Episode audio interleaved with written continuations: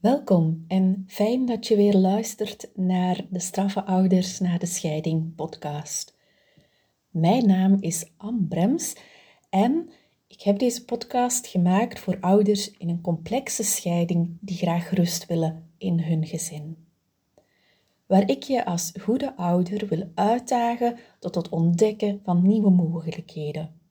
Ook al is de hoop misschien helemaal weg met momenten om erop terug te durven vertrouwen dat geluk in jouw gezin mogelijk is.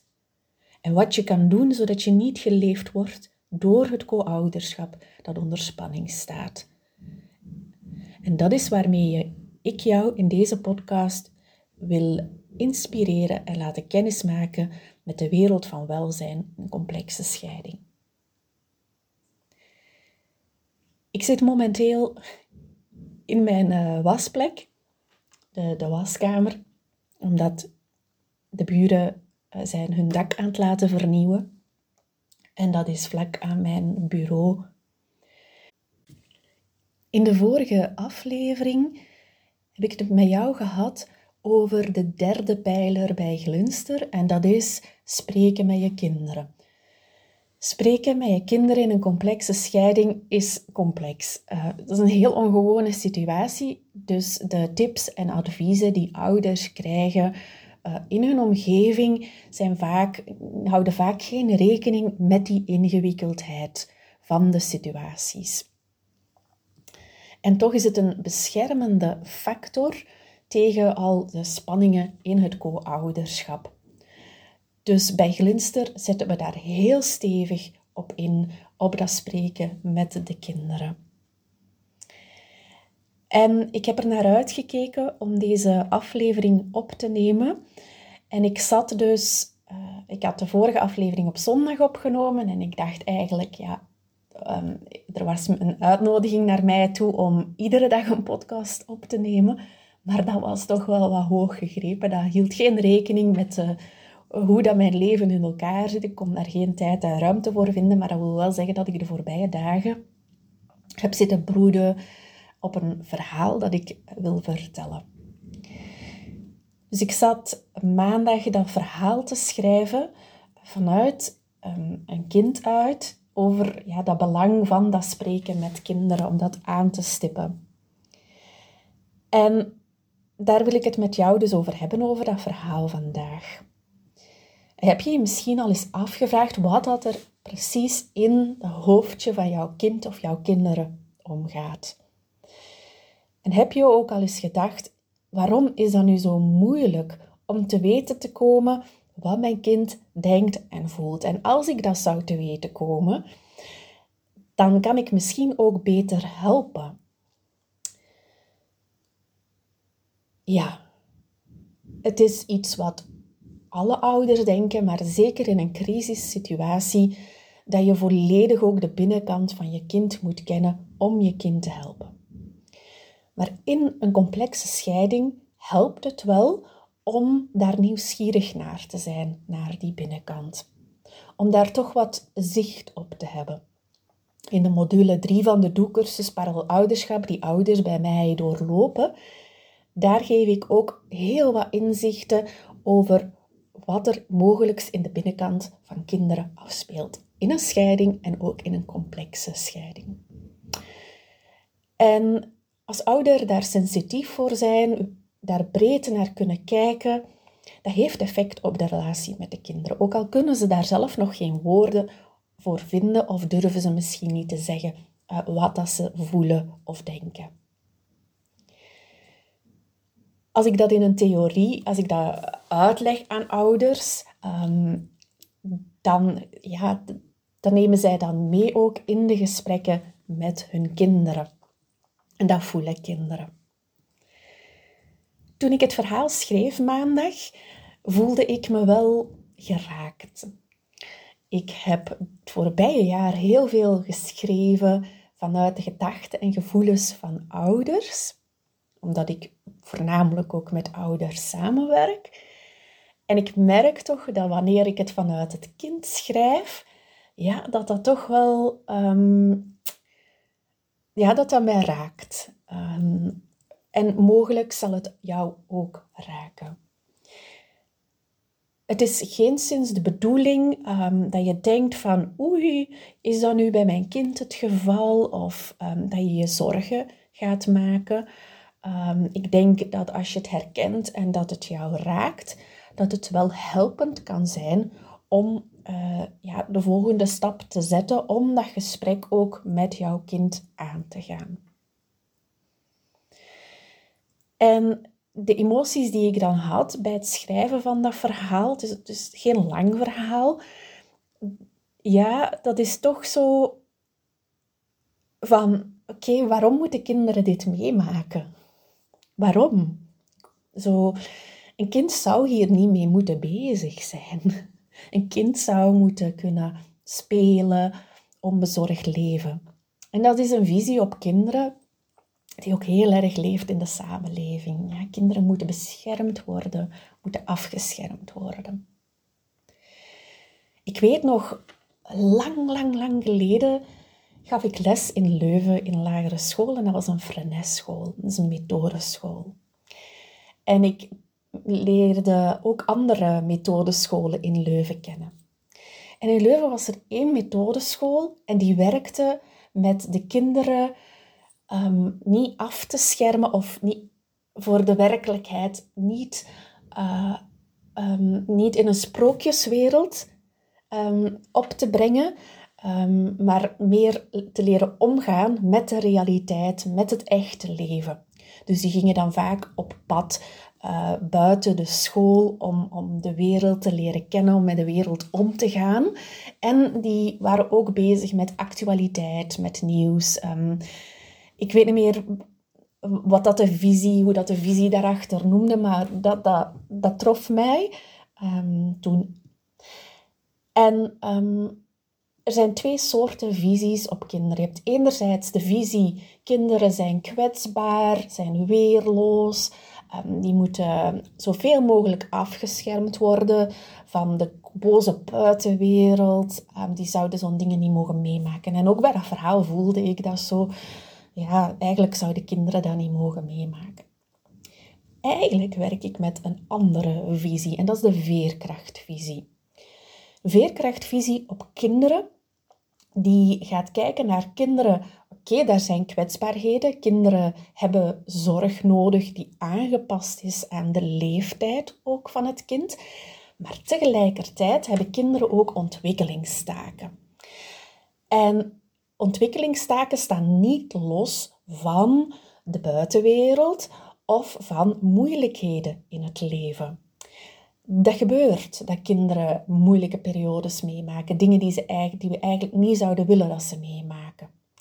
Maar in plaats van ze te zien als weerloze slachtoffers en ze te beschermen, ze niet te belasten um, en, en de last zoveel mogelijk van hun weg af te houden, gaat de veerkrachtvisie, aangepast aan de leeftijd en de ontwikkelingstaken van een kind, kijken wat kan een kind hiermee? Hoe kan een kind hiermee omgaan? En welke steunbronnen zijn er voor het kind om hiermee om te gaan? Om zo dan te kijken, om zo de veerkracht van het kind aan te spreken, maar ook de autonomie van het kind. En kinderen zijn hier heel gevoelig voor. Want wanneer ze daarop aangesproken worden, gaan ze plots meer dingen kunnen en meer dingen doen ook. Dus het effect van die visie op kinderen, dus dat, dat merk ik aan de ouders die, zo, die met mij samenwerken en die zo doordrongen zijn hè, van die visie, omdat ik dat in alles wat ik zeg en ik doe onrechtstreeks binnenbreng, soms rechtstreeks. Die ouders merken bij hun kinderen op dat kinderen actief iets doen. Met uh, de spanningen, met het gedoe, met de ruzie. Dus dat de kinderen dan plots gesprekjes hebben met hun, of plots iets zeggen, of plots iets doen, waar dat de ouder van verbaasd is. Dat hij dan zegt, en dat delen ze dan, dan ook op de gespreksplek, die ouders, van wow, nu was ik verrast met wat mijn kind ineens zei. Ja? Dus dat is door die veerkrachtvisie, door daar op die manier met kinderen te gaan spreken. Dus misschien is het dat wat ik wou meegeven dan bij deze aflevering, los van het verhaal. Van je kan twee ingangen nemen hè, wanneer je zo'n verhaal um, meemaakt of uh, dat je daar dingen uit herkent. Eén is dat je um, het kind gaat ontlasten, nog meer zoveel mogelijk weghouden van het kind. De andere weg, de veerkrachtvisie, is dat je actief gaat spreken met je kind. En die weg nemen wij hier dus in die derde pijler. En ik, door dat verhaal gaat die noodzaak voor deze weg ook duidelijk worden. Omdat je merkt dat het kind vastzit en actief ook iets doet met wat er gaande is. En dus ook handvaten, handvatten wil om daar mee om te gaan. Ja? Dus die is daarmee bezig in zijn of haar hoofdje. En dan wanneer dat die handvatten gaat krijgen om daarmee om te gaan, dan gaat hij dan gaat hij ja, gelukkiger zijn, um, weerbaarder, gezonder. En misschien kan ik het dan, uh, hoe doe ik dat dan met ouders? Um, daar kan ik misschien nog eens een andere aflevering over opnemen. Ik ga je uitnodigen om eventjes in het verhaal mee te gaan. Um, voilà, van de pijler 3 um, bij Glinster.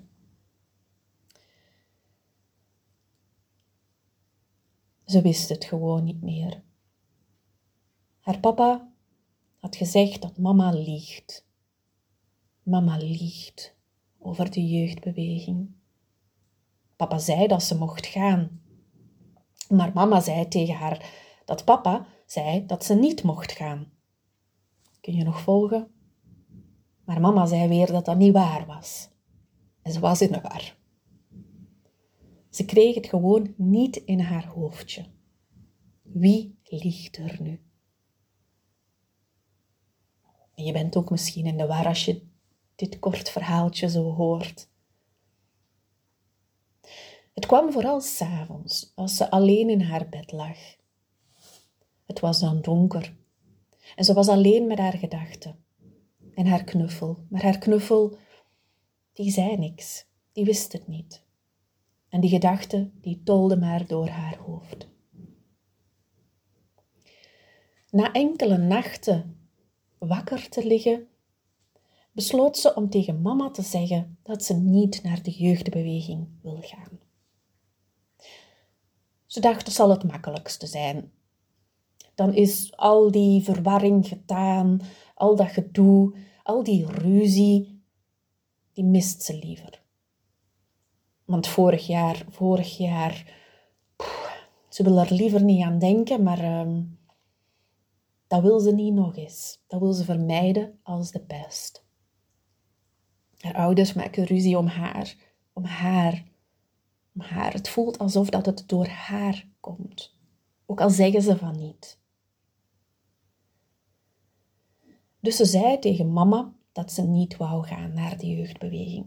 En de reactie van haar mama verbaasde haar. Ze had gedacht dat mama ook blij zou zijn, omdat er dan geen ruzie meer was. Maar nee, mama zei: Het is je vader die niet wil dat jij gaat, niet jij. Ik zal nog eens met je vader gaan praten. Ze wou geen ruzie. En dan zei ze tegen papa: dat ze niet wou gaan. En ook die reactie verbaasde haar. Ze voelde aan hem, ze voelde aan hem iets vreemd. Ze kon er geen woorden aan geven.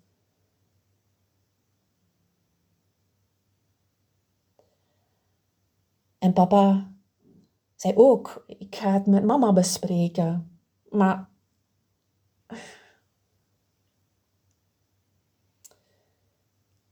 was zoals vorig jaar. Vorig jaar zou ze naar de logopedie gaan. En hoe lang, hoe lang duurde die ruzie wel niet? En dan zeggen haar ouders, wij maken geen ruzie, maar ze voelden die spanningen, ze voelden die tijden, ze wisselen altijd hetzelfde. En eigenlijk was ze het gewoon beu, dat gevoel dat haar gaf. De volgende dag op school wou ze er gewoon niet meer op over nadenken. Wie, wie liegt er nu? Wie spreekt er de waarheid? Misschien liegt zij zelf wel, dacht ze. Dat gevoel kreeg ze. En het tolde zo hard, die gedachte, dat ze de gedachte gewoon na enkele weken niet meer kon volgen. En ze kreeg er gewoon buikpijn van. Een heel rottig gevoel in haar buik.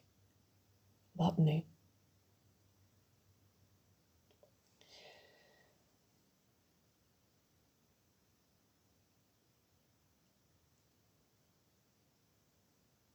Dit verhaal is een fictief verhaal, ehm, maar door de jaren heen heb ik ook gemerkt welke belangen dat er voor kinderen zijn in een situatie. En um, in deze, dit fictief verhaal heb ik geprobeerd om daar um, woorden en taal aan te geven aan hoe dat kinderen dat ervaren. En dat is precies waarom dat wij bij Glinster, dus die vorige pijler, die pijler van dat uh, parallel ouderschap, van die muur opbouwen, dat is de reden waarom dat we die opzetten, omdat kinderen hiermee in hun buik zitten. En zodra dat je zelf die muur gaat opbouwen en dat gaat begrijpen, dan ga je ook de gesprekken met jouw kinderen hierover op een andere manier gaan doen dan, um, dan mogelijk ook dat je voelt van, goh, op deze manier uh, lukt het niet, het voelt ellendig aan. Zoals altijd, als je zegt na deze aflevering of na een andere aflevering, Um, ik wil daar graag um, stappen in zetten en ik, wil, ik ben dat alleen aan het doen, maar dat gaat niet zo snel of um, ik heb het niet goed door. ik wil dat graag met jou doen. Neem dan gewoon contact op met mij op info.glinster.co. stuur mij een mailtje en dan laten we kennis maken met elkaar en kijken uh, wat jou zou kunnen helpen. Volgende week ga ik het met jou hebben over de vierde pijler bij Glinster. Um, ja, die gaat ook een beetje verder op deze pijler. Uh, ik ga het nog niet verklappen. Dat is voor volgende week. Graag tot dan.